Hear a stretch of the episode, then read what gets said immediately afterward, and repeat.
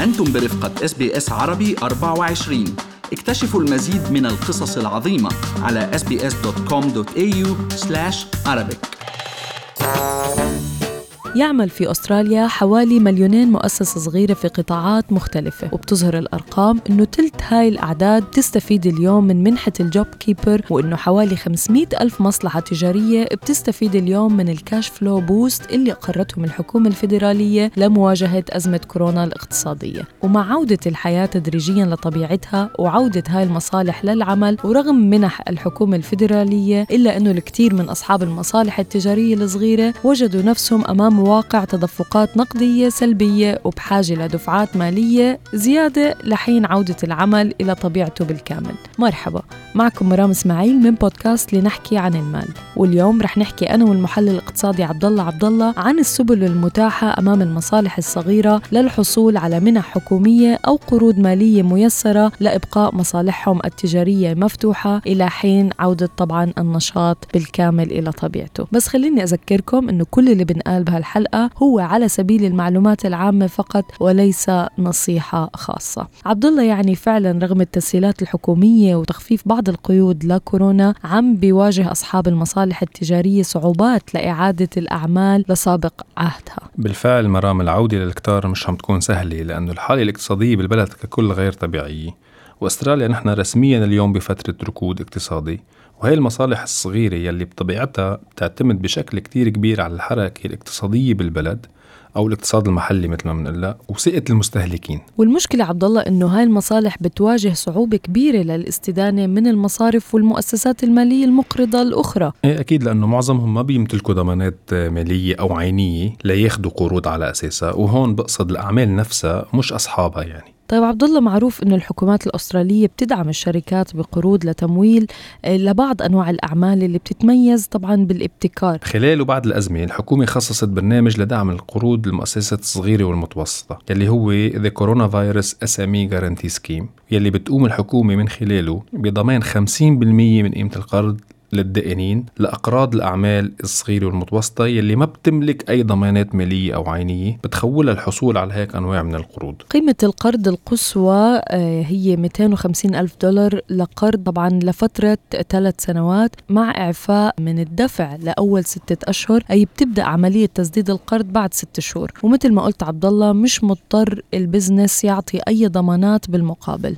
مزبوط. وهي الأنواع من القروض اسمها credit facility مرام. يعني حتى لو أخذت الموافقة على القرض مش مضطر تسحب المبلغ كامل. يعني مش مضطر تسحب ال 250 ألف دولار كلها إذا أخذت approval عليها وتدفع فوائد عليهم. تسحب القرض على دفعات بحسب حاجة ال business للمساعدة بعمليات ال cash flow طب عبد الله أيضا كمان سمعنا أنه كتير من حكومات الولايات والبلديات عم بيقدموا منح ومساعدات بهاي الفترة. وإذا بدنا نبلش بولاية نيو ساوث ويلز فبتقدم حكومة الولاية منحة لحد 10 ألاف دولار للمصالح اللي بتوظف بين 1 ل 19 موظف. وما بيزيد ال payroll تبعهم عن ال payroll tax threshold in نيو ساوث ويلز يلي هو 900 ألف دولار بالسنة المالية الحالية. وأكيد لازم يزيد مدخولهم عن ال 75 ألف دولار سنويا مرة. ولازم يستعملوا هذا المبلغ مبلغ لتسديد نفقات أساسية مثل فواتير الكهرباء والرواتب والاستشارات القانونية والمالية. وأكيد من ضمن الشروط الثانية أنه يكونوا متأثرين بأزمة كورونا بطبيعة الحال وحددوا كمان نيو ساوث ويلز قطاعات معينة هي التجزئة أو ال retail الإقامة ال accommodation يعني ال food المطاعم وإيجارات السيارات والفن وخدمات الترفيه الثانية وممكن التقدم بطلب للحصول على المنحة من سيرفيسز نيو ساوث ويلز وكمان حكومة الولاية خصصت مرام مساعدات لأصحاب التاكسي العاملة وهو مبلغ 2900 دولار لتغطية نفقات التأمين الإلزامي اللي هو بنيو ساوث ويلز بيقولوا green slip وال rego و50% خصم على تكاليف الرخص السنوية وأكيد الطلبات مفتوحة ابتداء من هذا الشهر آه، يونيو حزيران وممكن التقدم عبر services نيو ساوث ويلز again تمام. هلا بالانتقال لولاية غرب استراليا مرام حكومتها كانت أكرم شوي من نيو ساوث ويلز وتقدم 17500 دولار كمنح للأعمال يلي بيتراوح مدخولها السنوي بين المليون وال4 مليون دولار وإعفاءات كمان من ال payroll tax. كمان بيدفعوا 2500 دولار لأصحاب التاكسي عند الطلب. وبولاية فيكتوريا وكوينزلاند ومقاطعة المناطق الشمالية اقترحت الحكومة دفعات مشابهة ولكن للأسف أوقفت العمل ببرنامج المنح بأول هذا الشهر يونيو حزيران كان لسه بمقدور المصالح التجارية المتعثرة إنها تستفيد من الخصومات الضريبية بهاي الولاية.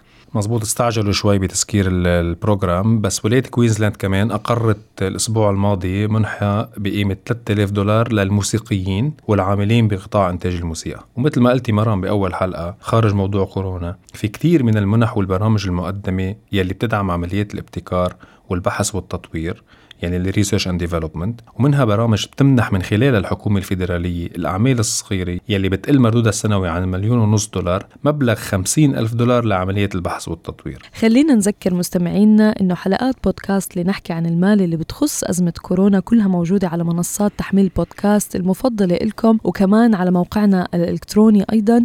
إذا حابين ترجعوا تسمعوهم لمعرفة المزيد عن موضوع معين أو منحة معينة. وخليكم معنا بالأسابيع الجاي لنحكي لكم المزيد عن التعامل مع فواتيرنا الضريبية للاستفادة من معظم الامتيازات اللي منحتها أو بتقدمها الحكومة بفترة كورونا وفترة طبعا يعني تقديم إقرارنا الضريبي.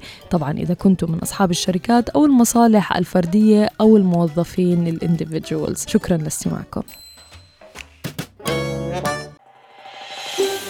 هل تريدون الاستماع إلى المزيد من هذه القصص؟ استمعوا من خلال أبل بودكاست، جوجل بودكاست، سبوتيفاي أو من أينما تحصلون على البودكاست